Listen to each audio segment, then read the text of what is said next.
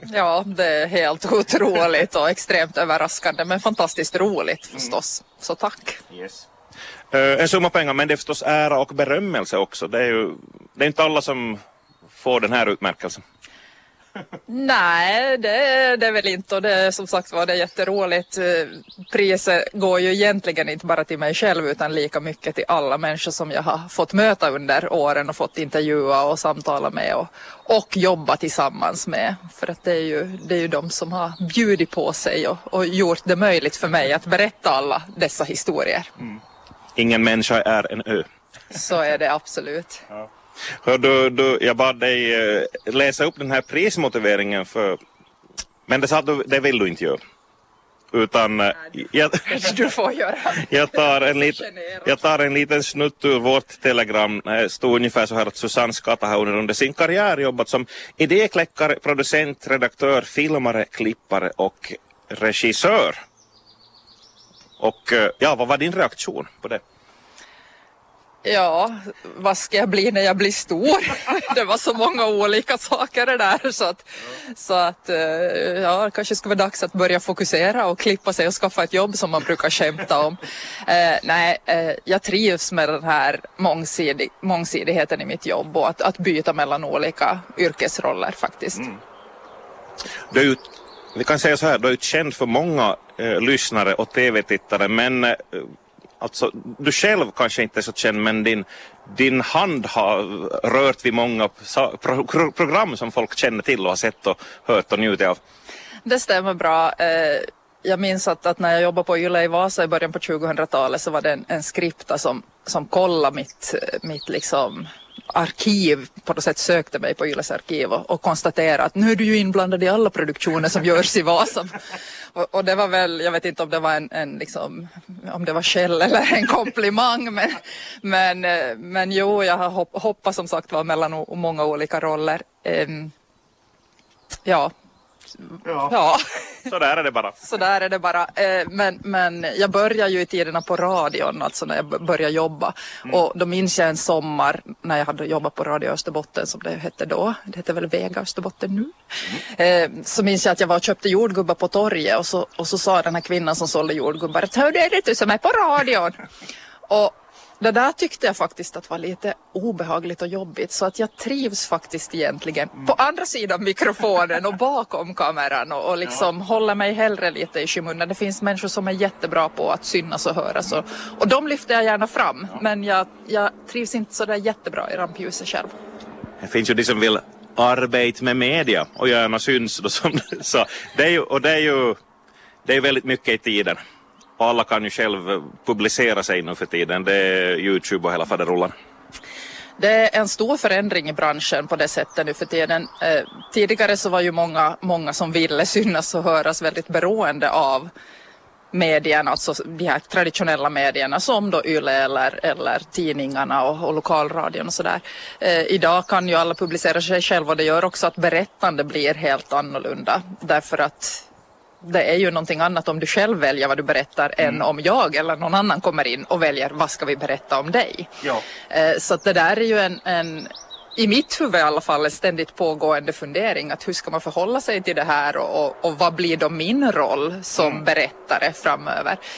Ehm, det här priset möjliggör ju för mig lite tid, möjlighet liksom att ta, ta mig tid och fundera lite djupare på de här frågorna. Det ser jag fram emot. Ja, ja sådana som du behövs fortsättningsvis kan man konstatera. Det återstår att se. Det var någon som sa att det här var ett livsverk nu så att jag kanske får, får lägga av nu då. Nej, skämt åsido. Eh, Ja, någonstans så, så, vill jag tro, men det är ju kanske självbevarelsedrift också, men så vill jag tro att det behövs liksom redaktörer och, och producenter och någon som, som gör någon slags sållning i det enorma flöde av berättelser som finns.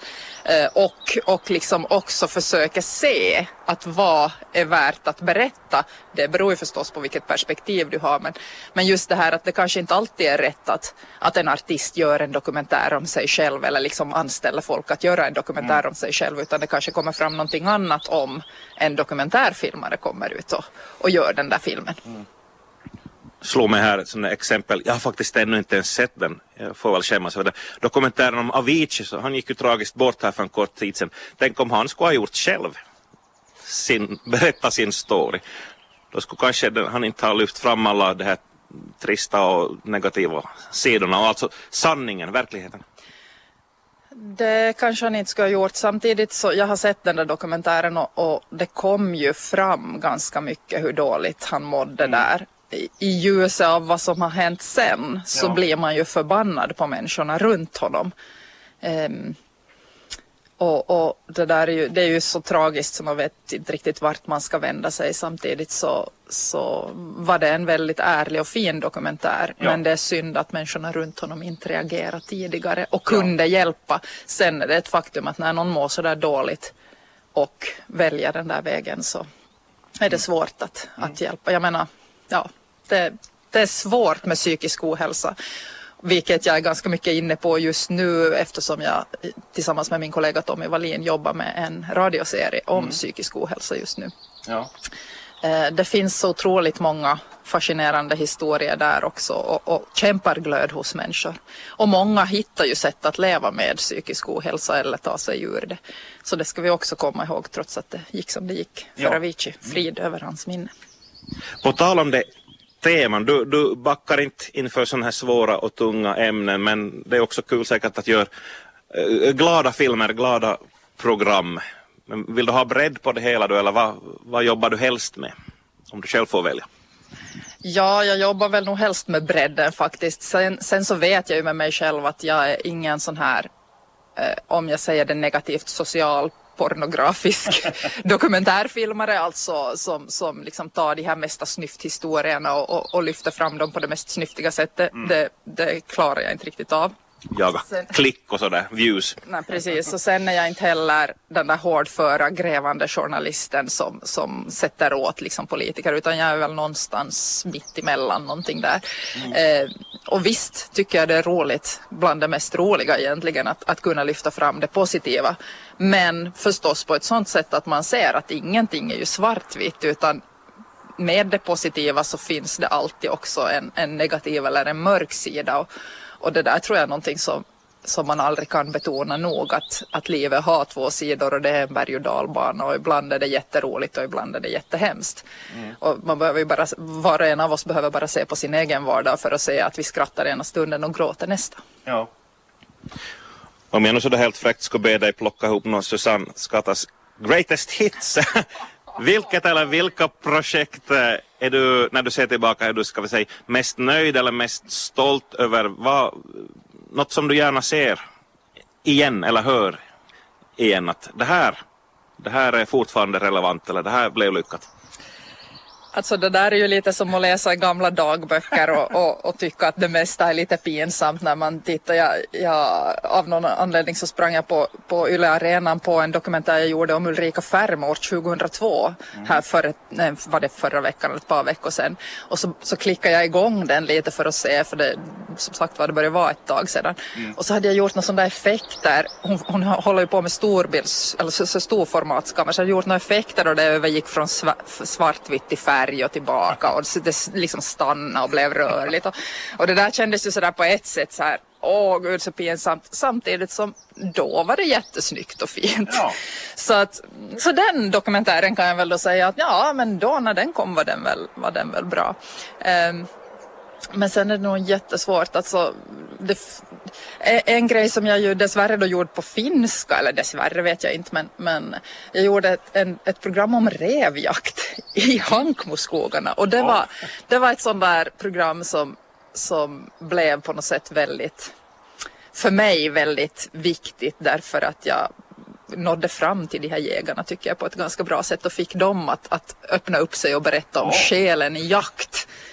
Eh, och bli lite så här små filosofiska. Så att hälsningar bara till alla jägare i Ankmo. det, det, tycker jag var roligt.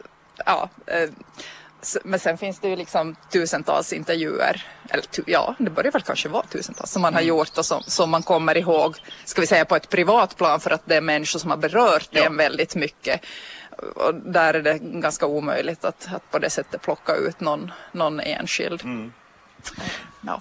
På tal om, om att filosofera med jägare, det har ju erfarit att kameran och mikrofonen det ger en sådär rätt att komma in på ställen dit ska vi säga, allmänheten inte har rätt att gå. Vad är det mest spännande du har varit med?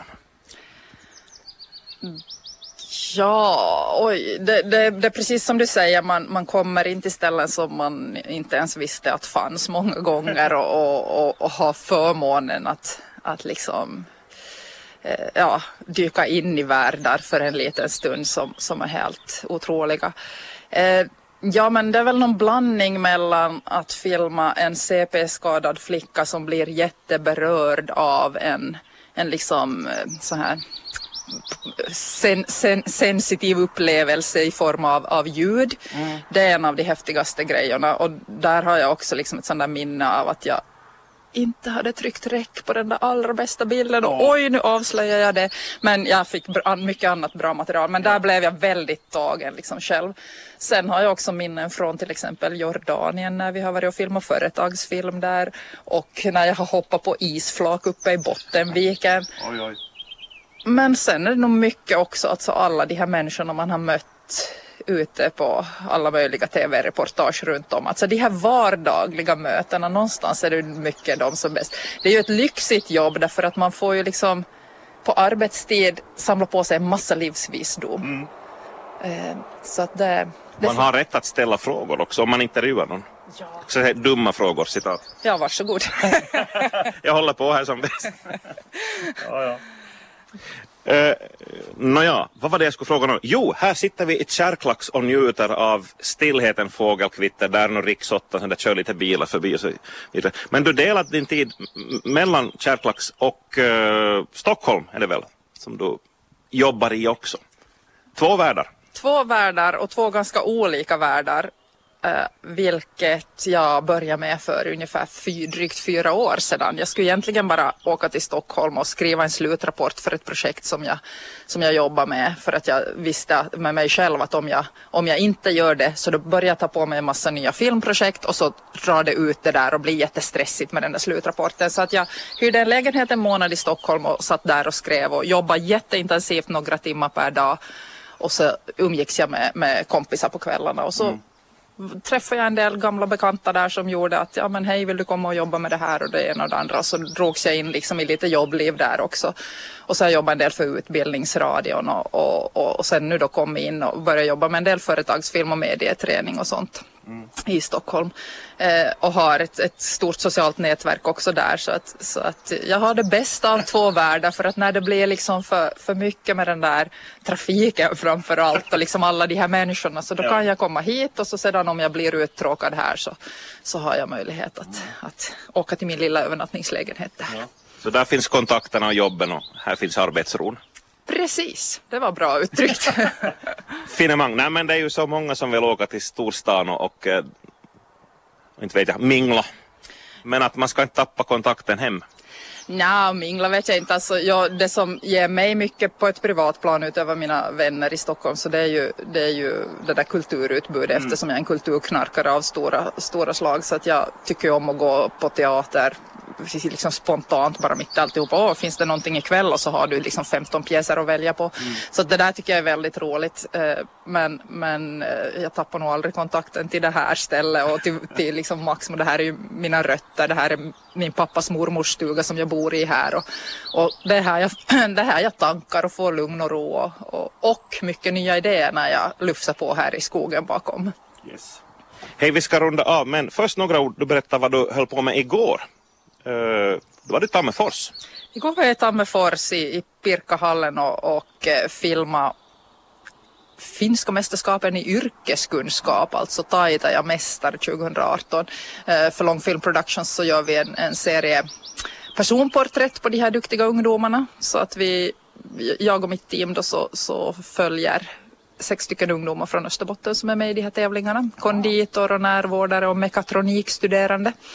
Eh, så att det kommer väl att bli ett antal personporträtt från både södra Finland och, och Österbotten som kommer någon gång i höst eller vinter på svenska YLE. Okay. Så det höll jag på med igår och nu i eftermiddag ska jag iväg till Jakobstad och göra en radiointervju. uh, och sen i helgen så åker jag tillbaka till Stockholm och så är det lite företagsfilmning och, och lite planering av dokumentärfilm där och så snurrar det på med alla möjliga olika idéer. Mm. Full fart nästan hela tiden. Men äh, för att nu återkomma eh, äh, till äh, det här kulturfondspriset då som ju kungjordes här i, igår. Vad ger det för möjligheter? Vad, vad, vad har du tänkt att vad ska du, hur ska du utnyttja det här nu, den här möjligheten att kanske göra något eget en tid? Det är precis det jag tänker göra. Jag, jag har fått många förslag till vad jag ska kunna göra med pengarna. Allt från att göra någonting du aldrig har gjort tidigare. Åk till Provence på målarkurs. Jag har ju tummen mitt i handen med sådana konstverk av det slaget. Så det kanske skulle vara en idé att, att mm. testa på någonting helt annat. Men jag tror nog att jag är alldeles för mycket realist och, och också som sagt var brinner lite för att, att få utveckla de egna dokumentärerna. Så, mm. så jag tror att det, de här pengarna kommer att användas till att vika tid åt att utveckla egna nya projekt och förhoppningsvis dokumentärfilmer.